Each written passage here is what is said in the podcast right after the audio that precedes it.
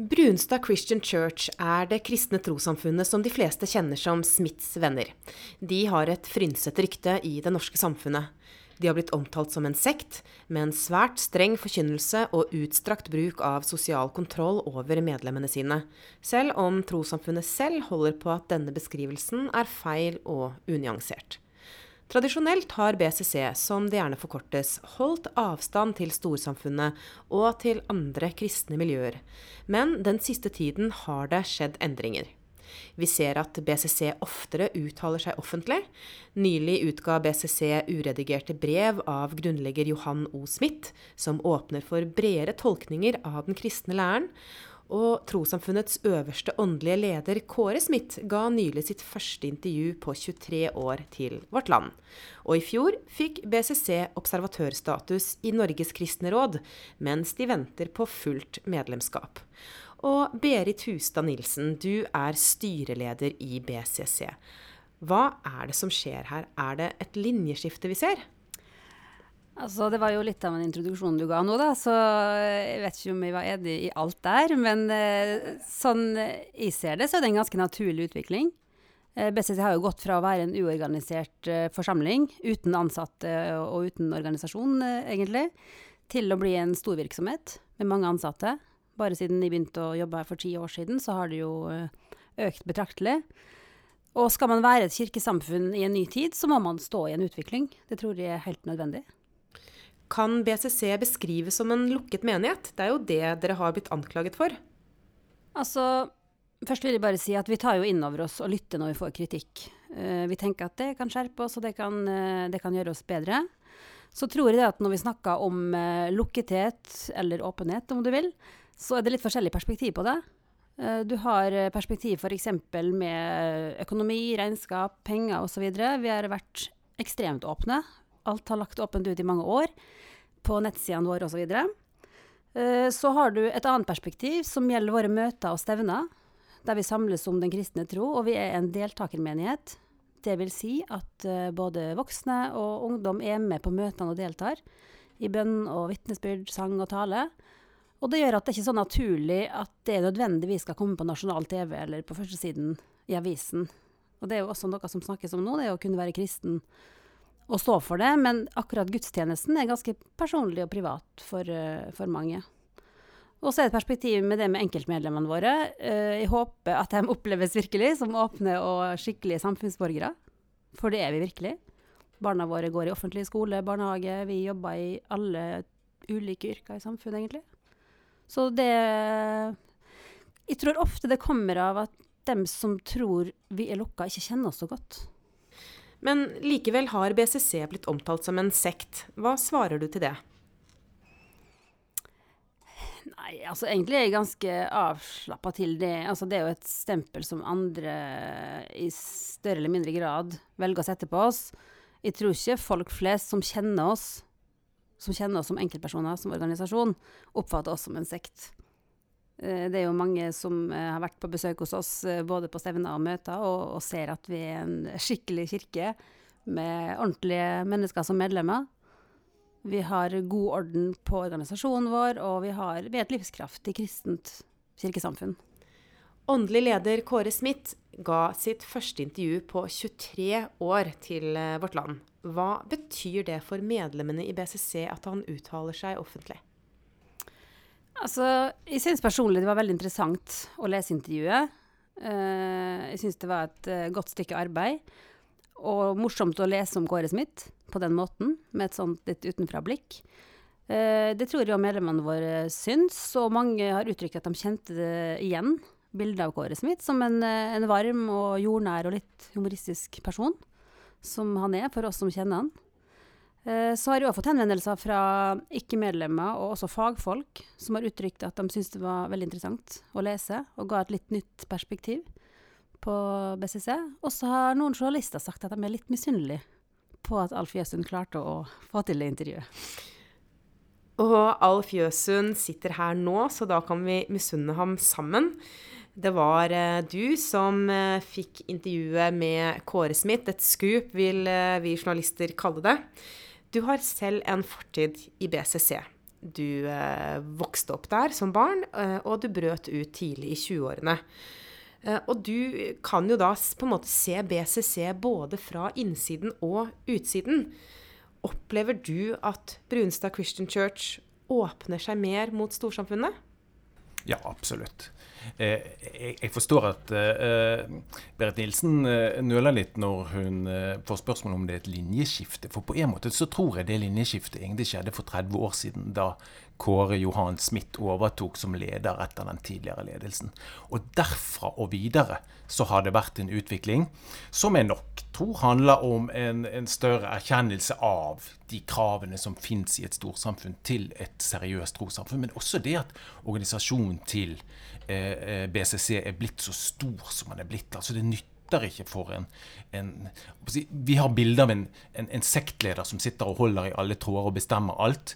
Det nytter ikke et stort profesjonelt trossamfunn. Men det er jo det bildet mange sitter med når man snakker om Smiths venner. Ja, det forstår jeg. Fordi at eh, eh, BCC, og, eh, eller Smiths venner som det kalles For 30 år siden da jeg forlot BCC, så var det et veldig annerledes BCC enn en, en det er nå. Det var svært mange detaljerte krav til hvordan man skulle leve. Og det var lederne hadde en ekstremt høy status. Fortsatt har lederne høy status i BCC, men det er likevel noe som har skjedd. Og jeg ser det på sånne små tegn som veldig mange tidligere medlemmer ikke ofte legger merke til. F.eks. det at man på Kåre Smith sin egen podkast oppfordrer unge mennesker til å diskutere bibeltekstene seg imellom. Da jeg vokste opp i BCC, så var ikke det åpning for å diskutere bibeltekstene. Man skulle ta imot, og så skulle man drøfte anvendelsen av budskapet på sitt åndelige liv. Men å diskutere nei. En annen ting. Eh, jeg så et program på BCC-TV her forleden med ledende Eh, eh, brødre eller forkynnere i BCC som diskuterte bibelteksten. Og så kom det en disclaimer på slutten. Og der sto det eh, ikke alt som sies her, er nødvendigvis BCCs offisielle standpunkt. Tidligere var det helt utenkelig at ledende brødre i BCC skulle uttale seg på en måte som ikke var BCCs offisielle ståsted. Tre eksempel. I hjemmet til Kåre Smith, som jeg besøkte for noen uh, uker siden, så lå det ganske mange forskjellige bibeloversettelser. Den ene bibelsoversettelsen fra 2011 tilhørte datteren til Kåre Smith. Den andre fra 1978 tilhørte svigersønnen. Og det var en helt naturlig ting i min oppvekst. Bibeloversettelse, Det var bare én godkjent, og den var fra 1930. Altså, Sånne små tegn viser at noe ganske fundamentalt har skjedd i BCC, som ikke er så lett å få med seg på utsiden, men som gjør BCC til et friere og eh, lettere trossamfunn å puste i for medlemmer. Og det er jo eh, vel og bra. Men Britt Dybing, du er eh, styremedlem i det som heter Hjelpekilden. Det er en frivillig organisasjon som gir hjelp til mennesker som står i vanskelige brudd med religiøse miljøer. Og du har møtt mange tidligere såkalte smittevenner som har brutt ut av eh, BCC. Finnes det noe gjennomgangstema i hva de forteller til Hjelpekilden om trossamfunnet? Det varierer litt etter eh, når de forlot. For Hjelpekilden har jo kontakt med tidligere medlemmer som forlot for 30 og 40 år siden. Og fra tidligere medlemmer som gikk ut for ett eller to år siden. Og òg mennesker som er i en bruddprosess eh, nå. Og, og, det er klart det at for de som eh, brøt ut for 30-40 eh, år siden, så, så, har jo de en helt annen uh, fortelling enn, det, enn, de ferskeste. Og det er jo det som Alf Jøsund snakker om òg, at det har vært ytre endringer. og når det gjelder de tingene som skjer nå i media, så ser jeg jo òg at det er ganske forskjellig reaksjon på f.eks. det intervjuet Intervjuet med Kåre Smith. Med Kåre Smith, ja. Hvor de som brøt ut for lengre tid siden, er mest skeptiske.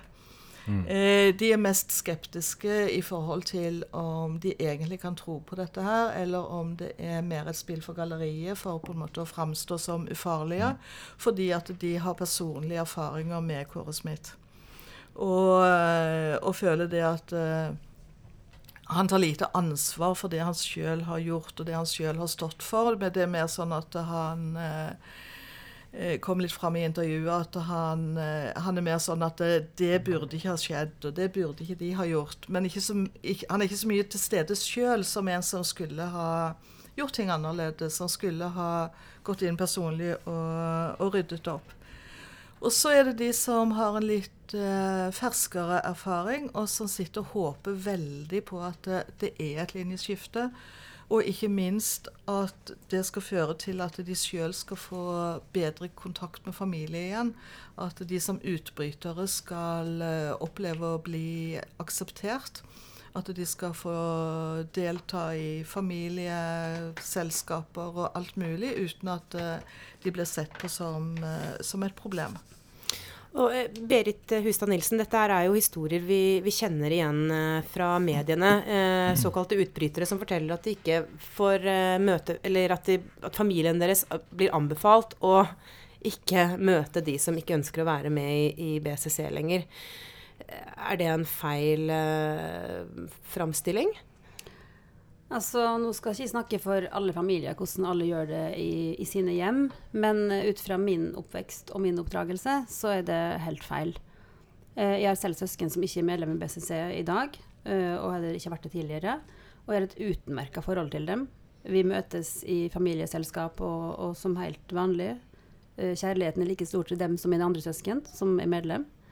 Så det er nok litt et det vil jo være veldig individuelt. Men jeg tror når det er snakk om det med eksmedlemmer, så er det litt ulike hva skal Jeg si, jeg liker ikke å kalle dem avhoppere eller utbrytere, egentlig. For for meg er det mennesker som har valgt noe annet, og det er helt greit.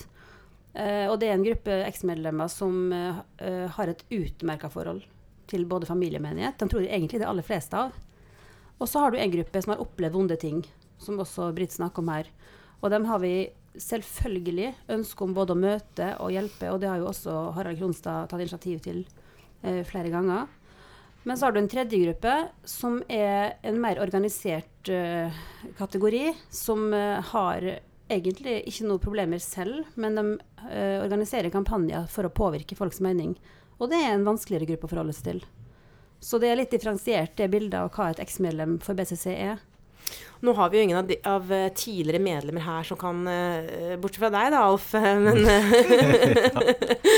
ja, jeg, jeg, har veldig lyst til å si noe om akkurat det. Ja, Så kanskje det er faktisk du som skal si noe om det. For, det, for dette her er et ganske vanskelig landskap å, å, å, forstå og forholde seg til. Fordi det er så mange forskjellige kategorier utbrytere.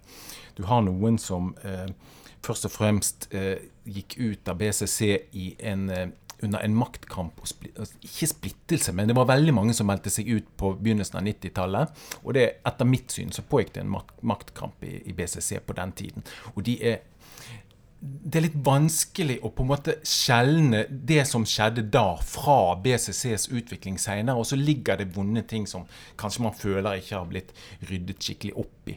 Og jeg tror jo at noe av det som skjedde, ikke er mulig å rydde skikkelig opp i heller. Fordi at noen av de Men Hva var det som skjedde, egentlig?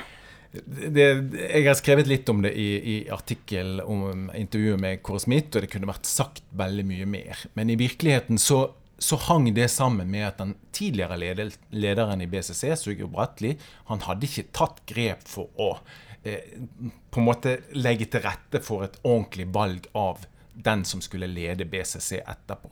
Og da ble det veldig Noen hadde forventninger at det skulle bli én person, og noen hadde forventninger at det skulle bli Kåre Smith bl.a. Og, så, skjedde det ting der. Det var veldig mange aktører, og det var veldig mye rart som ble sagt og gjort på begge sider. Og jeg hørte alt dette på begge sider og tenkte at dette er et kaos. Her trenger det virkelig organisering for å få, på plass disse tingene. Så det var jo noe av det som var viktig for meg å spørre Kåre Smith om da jeg intervjuet han. Eh, hvordan skal dette organiseres i framtiden? Og det ga han veldig interessante svar på, for han forsto det problemet. Eh, Britt Dybing i uh, Hjelpekilden. Um, til Vårt Land så har Hjelpekilden sagt at uh, intervjuet med Kåre Smith kan bidra til følelsen av å bli trodd for såkalte avhoppere. Hva, hva mener dere med det?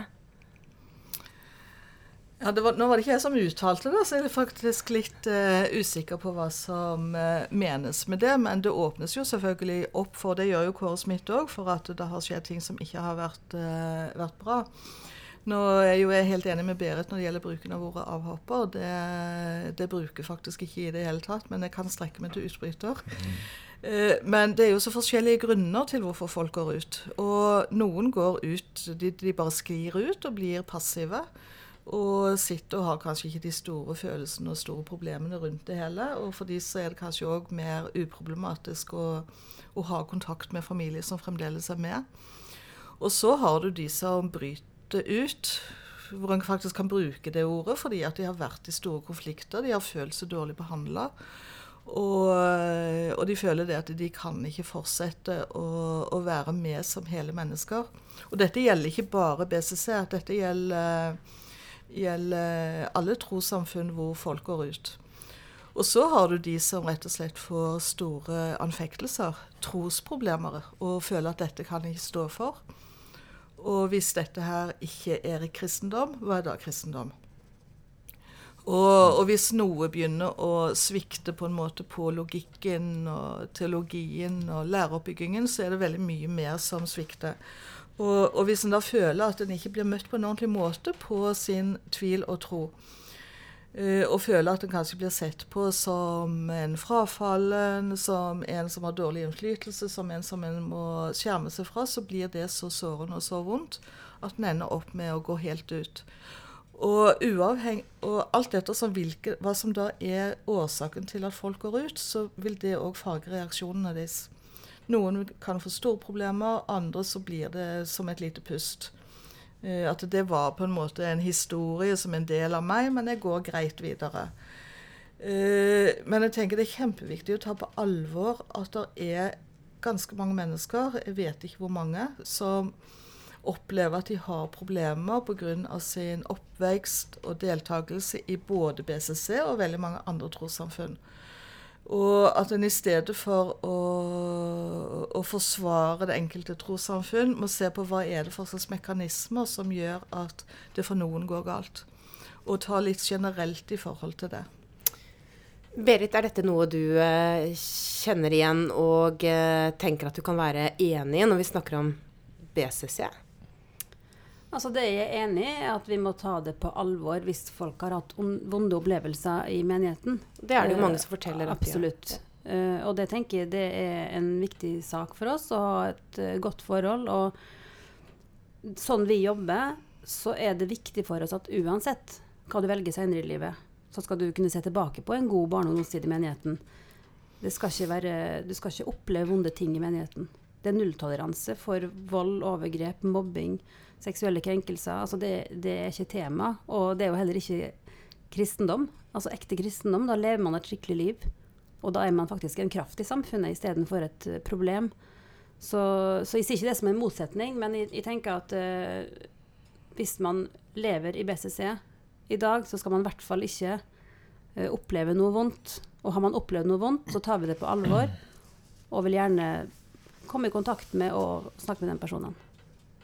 Ja, Det at vi i hele tatt snakker om denne problematikken med utbrytere, det er jo altså Det forteller noe. Fordi man har ikke utbrytere fra Den norske kirke, f.eks. For, eksempel, for der er det på en måte ingen grenser. Også i frikirkene så snakker man ikke så ofte om utbrytere der heller. fordi at du kan på en måte gå litt inn og ut, og det blir ikke så tydelig definert hvem som er innenfor og utenfor. I BCC så har man hatt en tradisjon tidligere for å snakke om enten innenfor eller utenfor menigheten. Og Dermed så oppstår den der man, stille, man, blir stilt på valg, liksom. Og enten så er man innenfor, eller så blir man definert på utsiden. Det er også noe som jeg ser tegn til å endre seg. Eller ikke bare tegn til. altså Når BCC selv søker medlemskap i Norges kristne råd, så er det Jeg tror at folk ikke helt forstår, eh, eh, særlig utbyttere eller tidligere medlemmer, de forstår ikke helt selv hvor stor betydning dette har nettopp for dette med innsiden og utsiden. Og mitt inntrykk når jeg har bakgrunnssamtaler med BCC-ere, både på eh, grunnplanet og i ledelsen, er at de har gått bort fra den der absolutte inndelingen av utenfor og innenfor. Og da tror jeg denne problematikken med utbrytere vil smuldre opp av seg selv etter hvert. Og Berit, dere har nå fått observatørstatus i Norges kristne råd, som eh, Alf Jøsund nettopp var inne på. Eh, hvorfor har dere søkt om medlemskap eh, der? Ja, vi søker vel om medlemskap etter hvert, men ja, vi har blitt observatører nå. Og vi var på vårt første styremøte bare for ja, par uker siden, er det vel nå. Um, og vi blir forresten møtt veldig positivt. Det er veldig hyggelige samtaler og veldig respektfullt. Uh, og det ønsker vi skal være begge veier, selvfølgelig. Uh, for oss så er det viktig at kristendommen fortsatt kan være viktig for samfunnet vårt. Vi ønsker at barn og unge ikke skal måtte bøye hodet fordi de er kristne og tror på Jesus. Og Derfor så tror vi det er viktig at uh, kristne organisasjoner står sammen og verne om de verdiene. Og også kunne stå sammen i saker som uh, blir viktige framover. Så det er vel bakgrunnen uh, for det. Og vi håper også å lære av andre, og at vi også kan ha noe å bidra med. Betyr det at dere må eh, utvide grensene for hvordan man tolker den kristne læren? Det oppfatter vi absolutt ikke. Eh, innenfor Norges kristne råd så er det jo også stor takhøyde, og man ser forskjellig på ulike ting. Eh, det som er felles, det er den kristendommen som ligger i bånn. De grunnleggende det kristne trosgrunnlaget. Og det har vi jo til felles med alle andre kristne. Så kan man se litt forskjellig på ulike saker, men uh, vi tror at sammen så står man sterkere. Og som sagt så er det rett og slett at vi ønsker at neste generasjon, barn og ungdom, også skal kunne Det mangfoldet da, som det er å ha kristne i samfunnet, det ønsker vi skal være greit videre. At ikke vi blir parkert på sidelinja som uh, kristne. Alf, du rekker opp hånda. ja, eh, Historien er jo veldig interessant her, for den forklarer veldig mye. BCC ble til i en periode med svært mange splittelser. veldig mye krig i lavkirkeligheten mellom kristne ledere. Og de, den krigen pågikk i hvert fall fram til andre verdenskrig.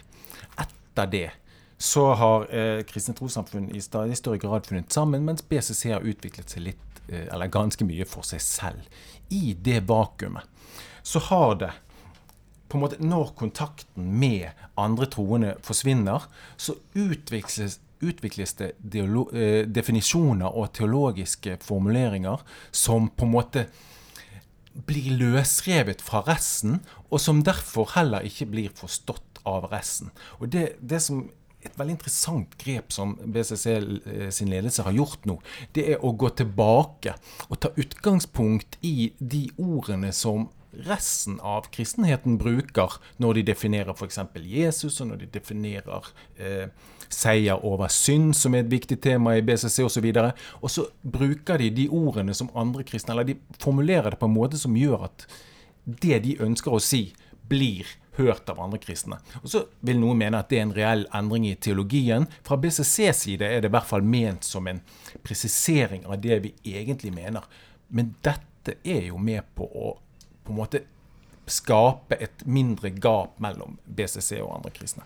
Britt Ibing, du sitter også pent og rekker opp hånda, så nå er det din tur. Ja, jeg er så, jeg er så høflig, vet du. Altså, begynner jo ikke bare å ta ordet. Det går ikke an. Men nå skal du få det. Tusen takk. Nå skal jeg holde det så lenge jeg kan. Jeg har så mye som jeg skulle hatt lyst til å kommentere, så jeg har nesten glemt mesteparten. Men jeg har lyst til å si to ord om Hjelp i kilden, bare sånn at det ikke skal være noen misforståelse om hvem vi er og hvilken funksjon vi, vi har. For, for, det er en del som tror at vi er imot religion og imot kristendom. Og det har jeg lyst til å poengtere at det er vi overhodet ikke. Uh, en del av oss, inkludert meg sjøl, er kristne.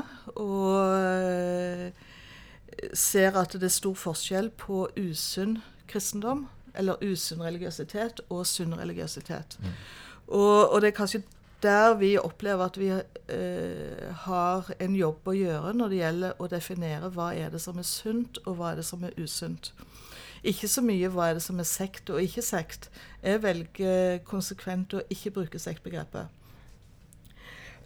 For jeg tenker at det, Usunne religiøse miljøer kan du finne både innen BCC, Jehovas vitner, Den norske kirke, pinsebevegelsen, alt sammen. Eh, det kan være en menighet som i bunn og grunn er sunn og god, men du kan ha usunne subgrupper innen menigheten, mm. innen trossamfunnet. Og historien viser jo at uh, sånne subgrupper på sikt kan føre til at det blir splittelser. Fordi at det kommer noen fra en subgruppe og sier at vi har sannheten. Og, og, så vil de da innføre den sannheten på alle de andre. Men, men, noe av det som på en måte kjennetegner det sunne, det er jo at det er rom for å stille spørsmål. At det er rom for å ikke ha alle svarene. At en kan få lov til å være uenig. At en ikke blir eh, ekskludert og satt utenfor om en har et litt eh, annerledes syn på, på, enkelte spørsmål. Er det rom for kritisk tenkning i BCC? Berit Hustad Nilsen? Ja, da spør du i hvert fall rette person. For eh, jeg har i grunnen alltid spurt og alltid eh, sagt ifra hvis de var uenige om ting. Eh, og opplevd å bli hørt, og opplevd at det har vært rom for det. Eh, så da har nok vært i en veldig sunn del av menigheten. Mm. Men som Britt sier, så er jeg enig i det at i alle, alle forsamlinger i alle organisasjoner så kan det utvikle seg sunne, usunne uh, grupperinger eller kulturer og sånn, og det må man være våken for som kristen leder. Det er et ansvar, tenker jeg, at man har, å følge med på det. Uh, og, og, det vil jeg også si Det er interessant å høre det Hjelpekilden sier her, at, uh, at de respekterer at det å ha en tro kan også være fint, og at mm. flere av dere har det. Eh, for når man leser bare avisoverskrifter, så kan man jo oppfatte ting ganske annerledes. Mm. Ja, ja og jeg tror, jeg tror, det er mange som tolker det sånn at Hjelpekilden eh, noen ganger definerer seg, sitt eget ståsted som veldig langt unna respekt for kristen tro, for du finner jo stadig angrep fra folk som i hvert fall bruker merkelappen mm. 'Hjelpekilden' mm. eh, på uttalelsene sine. Det, det, er veldig bra at du viser at det er den typen eh, ja, og, og Jeg kan godt også si at det har vært eh, diskutert internt i Hjelpekilden, og det er i vedtekten til Hjelpekilden at vi overhodet ikke er en kamporganisasjon imot. Så er det òg folk som har forlatt Hjelpekilden fordi at de har ment at vi ikke har vært eh, kritiske nok eller mm. vært nok kamporganisasjon imot. Men det er noe med at hvis vi skal kunne være til hjelp for mennesker som har problemer, så kan vi ikke samtidig skulle gå til angrep på, på kirkesamfunn og religiøse miljøer. Og eh, kommer det noen med å angripe med å ha merkelappen Hjelpekilden, så er ikke det Hjelpekilden sitt, mm. uh, sitt uh, grunnlag. Det må vi bare ha sagt. Og så har han en veldig sterk oppfordring til kirkesamfunn, uansett uh, navn. Og det er jo å ta på alvor de historiene som kommer. For selv om det ikke har vært fra ledelsen offisielt, en del av det som har blitt forkynt galt og praktisert galt, så har du likevel menigheter rundt omkring i det ganske land som, mm. eh, som har sin egen måte å si ting på, som har sin egen eh, styrke, som har sin egen måte å være autoritær på. Og dette sårer mennesker. Så selv om du, du har en pinsemenighet eller en eh, BCC-menighet eller hva det er, og folk som har opplevd det helt forferdelig på et eller annet eh, skjær på Vestlandet, så, så må en ta det på, på alvor. Uh, selv om vi sier at det er ikke BCC sin offisielle linje. Nei vel, men det har skjedd. Og da må en være sterk nok og ryddig nok til å begynne å rydde i egne rekker. En oppfordring til BCC, Berit Hustad Nilsen. Er det, er, er det, her noe dere konkret kommer til å ta tak i, akkurat det som Britt Dybvig sier nå? Ja, nå sier hun det litt generelt til, til alle kirkesamfunn, da, og virkeligheten vi oppfatter kan jo være litt annerledes kanskje enn det som eh, ses sånn utenfra. Men, eh, men ja, vi jobber veldig aktivt forebyggende, og også med opplæring for ungdom, mentorprogram. Uh, at de skal være fra ungdommen av, hjelpe til å, å lære seg å være sunne, gode miljø. Så, så, absolutt, for oss er det viktig. Og som sagt tidligere, så er vi en deltakermenighet, så det er jo langt ifra alt som er perfekt. Mm. Eh, hos oss er det en fri talerstol, så veldig mange kan si veldig mye forskjellig. Uh, det er ikke alle som er verken like teologisk balanserte eller ikke alltid psykisk stabile heller, så det kan jo komme litt av hvert. Men, men det har vi rom for. Og så hvis det er noe som er usunt, så, så, skal selvfølgelig det uh, følges opp. Mm, det, må jeg, det, må jeg, nesten si at uh, jeg treffer BCC-medlemmer som opplever at det er en betydelig grad av sosial kontroll. Og så spør jeg de uh, på hvilken måte, og så snakker de om forholdene i sitt lokale miljø. Og jeg tror at Så du mener det er en forskjell på loka, en lokal menighet og det som styret kanskje um eh, formidler. Ja, jeg ser at uh, ledelsen i BCC de forholder seg hele tiden til ulike krav og til utvikling. og uh, Nå er det det som står i media. og så, og så De forholder seg bevisst til det. Og jeg har det må jeg si personlig. Jeg har ikke noen erfaring med at den nåværende ledelsen i BCC eh, ønsker sosial kontroll i BCC, og heller ikke prøver å utøve det selv. Men jeg ser at altså BCC har en fortid. BCC var mer lukket tidligere enn det nå. og 30 eller 35 000 medlemmer forandrer seg ikke over natten. Og det er mye forskjellige holdninger lokalt som Kanskje ledelsen kunne vært flinkere til å adressere tydeligere. Og, men, men, på den annen side syns jeg de of, veldig ofte gjør det også. Og, og, veldig mange av disse sakene må jo tas med den enkelte konkret som det gjelder. Og, og det er ikke så lett. altså jeg tror at veldig mange står på utsiden og tenker at dette her er det veldig lett å rydde opp i og, og, og på en måte få på Men det er det ingen som klarer. Vi ser disse tilfellene eller disse forholdene i veldig mange trossamfunn. Vi ser det pinsebevegelsen. De har hatt en omfattende prosess eh, etter den såkalte frelsdebatten Vi fikk en film nå fra Hillsong-miljøet eh, i fjor som var veldig interessant. Altså, i et kirkesamfunn med mennesker så vil det være en del ting å ta tak i. Men ledelsen må være bevisst på det. Ja, og det, det, er jeg enig i, men der tenker jeg at vi som, eh, som, er ledere i et kirkesamfunn, har ansvar for å i alle fall legge til rette så godt som mulig med en god organisasjon, med gode retningslinjer, god oppfølging, mulighet til å få hjelp, mulighet til å spørre. Vi er veldig opptatt av det, at medlemmene våre skal bli hørt. Uh, og blir du ikke hørt lokalt der du bor, hver lokalmenighet har jo et selvstendig styre osv., så, så kan du kontakte oss via medlemsportalen. Og det, det, er viktig for oss. For uten at medlemmene er engasjert, uten at medlemmene trives, så er det jo ingen forening. Sånn sett kan man si at det er selvregulerende. Den dagen medlemmene ikke trives eller ikke ønsker å være med og gi gaver eller bidra til, med frivillig innsats, så er det jo ikke så mye igjen. Så, så, det er jo helt åpenbart at er, for oss er det viktig. Det er medlemmene som er dem vi er jo vi er til for. Så det jobber vi veldig aktivt og mye med. Um, Britt eh, Dybing, du sa litt innledningsvis at uh, en del av de yngre, tidligere medlemmene i BCC var litt sånn forsiktig positive, optimistiske til um, intervjuet som Kåre Smith ga, og vil, ønsket å, å, tro på at uh, det blir en, et, at trossamfunnet er i ferd med å åpne seg med, at det blir mer rom for individuell kritisk tenkning.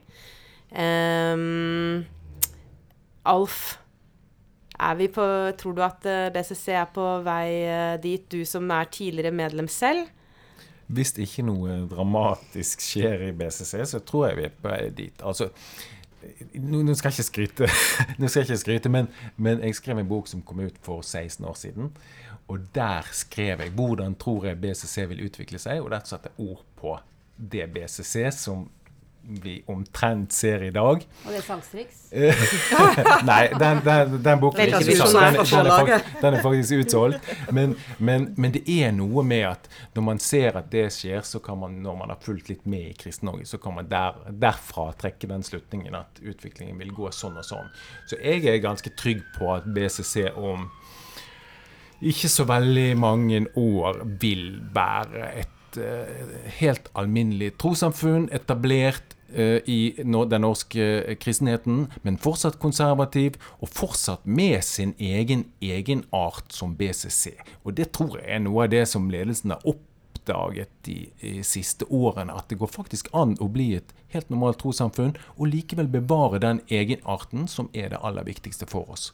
Berit Hustad Nilsen, et helt normalt trossamfunn, sier Alf Jøsen at dere kanskje kommer til å bli. Om noen år, liksom? ja, nei, jeg, jeg, snakket om hvordan folk om noen år vil oppfatte det. det. Ja, hva, hva, okay, hva, tenker du, hva, tenker du, om det? Eh, jo, altså For meg som lever i det kirkesamfunnet her, så vil jeg jo si at vi er et helt normalt kirkesamfunn i dag. Uh, virkelig. Tro, men tror du at uh, Vi kan vel kanskje være enige om at det er uh, en del oppfatninger ja. i storsamfunnet om at BCC har et spesielt trossamfunn ja, på mange måter. Og at utviklingen vil fortsette. Det er jeg helt overbevist om. og vi har mange ting på gang med det osv. Uh, så håper jeg òg at storsamfunnet, som du sier, mer og mer kan, kan se det. Altså bli kjent med oss for den vi er, og ikke bare etter det man leser i tabloide overskrifter. Hvordan skal dere få til det, da? Det tenker vi å fortsette for det første det gode arbeidet vi gjør, men også å jobbe som mange av oss har jobba med, med å, å, være mer åpne. Altså å fortelle om hvem vi er, hva vi gjør på, hva vi tror på. Og at medlemmene våre er synlige ute i samfunnet og i offentligheten, rett og slett. Britt Dybing skal få et siste ord til helt til slutt. Og jeg hadde egentlig tenkt å stille et spørsmål. Få stille et spørsmål, da. Eh, jeg hadde ikke planlagt et slående siste ord. Eh, og det er fra intervjuet som eh, Alf gjorde med Kåre Smith. Så stilte du spørsmål, Alf, om at BCC hadde uttalt at de samarbeidet med profesjonelle fagmiljøer for å bedre dialogen med mennesker som har hatt vonde opplevelser i menigheten. Da ble jeg fryktelig nysgjerrig på, på, på hva er det, er det egentlig dette innebærer. Hvilke fagmiljøer, hvordan er det en jobber mm. med det? Der tenker jeg at så langt så ønsker jeg vel å si at uh, den prosessen som pågår, må vi få ta tid til å stå i. Mm. Uh, og så kommer vi tilbake til uh, mer hva det innebærer og inneholder. Men uansett så ønsker vi at dem som har hatt onde opplevelser, skal bli hørt og bli møtt av BCC. Jeg har sett en, flere sånne prosesser i andre trossamfunn, både i etterkant og mm. mens det pågikk. Og jeg, jeg ser at omtrent alle har behovet for å holde kortene litt tettere til mm. brystet i starten enn, enn man gjør etter hvert. Så det, det, tror jeg er ganske naturlig. Men mitt tipp til BCC er at de kommer på flere sånne podkaster som vi har hatt i dag, og eh, er med når de blir utfordret i media. Det tror jeg de vil tjene veldig på. Det var en siste oppfordring eh, til Brunstad Christian Church. Og jeg eh, må si at eh, tusen takk for at dere kom, og for at dere har delt tankene deres her med oss. Tusen takk, Berit Hustad Nilsen, styreleder i BCC. Britt Dybing, styremedlem i Hjelpekilden. Og Alf Jøsund, religionsredaktør i Vårt Land og tidligere medlem av BCC. Hei. Jeg heter Åste Dokka, og annenhver onsdag publiserer vi en ny episode av podkasten Dokka fra vårt land. Da må jeg inn i det vonde, det såre. Jeg vet ikke hva det heter på nynorsk. Nei, Etterfylling, kanskje? Ja. ja. Hver uke har jeg med meg en gjest, og vi snakker sammen om noe som jeg syns er spennende. Himmel og helvete, frelse, forsoning, eh, kvinneprester, altså moralske ting. Du finner alle episodene der hvor du hører podkast, på podkastspilleren din, iTunes eller Spotify.